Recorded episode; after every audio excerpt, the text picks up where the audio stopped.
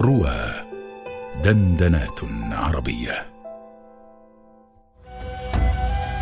صحح لغتك بالقرآن مع محمود سلام أبو مالك. الموسم الثاني على رواه.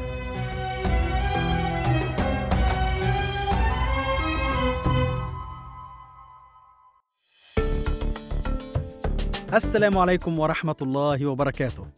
تركناكم في الحلقة السابقة مع سؤال: فعل النائم، الحلم، الرؤية المنامية، الحلم بسكون اللام فقط أم يجوز لنا أن نضم اللام؟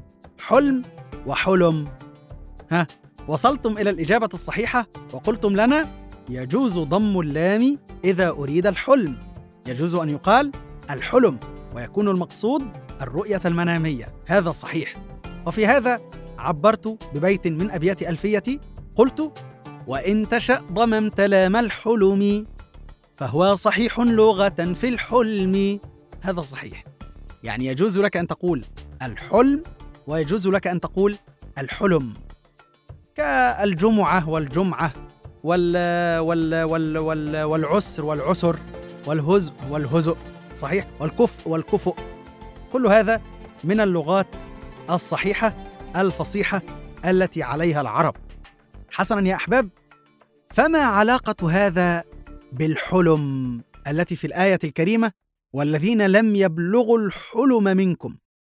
ها وإذا بلغ الآية الأخرى وإذا بلغ الأطفال منكم الحلم فما علاقة الحلم التي في الآية هنا المرتبطة ببلوغ الحلم بالحلم التي هي الرؤية المنامية. هذا هو السؤال الذي سنعرف إجابته في الحلقة الجديدة إن شاء الله من صحح لغتك بالقرآن. محبتي لكم محمود سلام أبو مالك.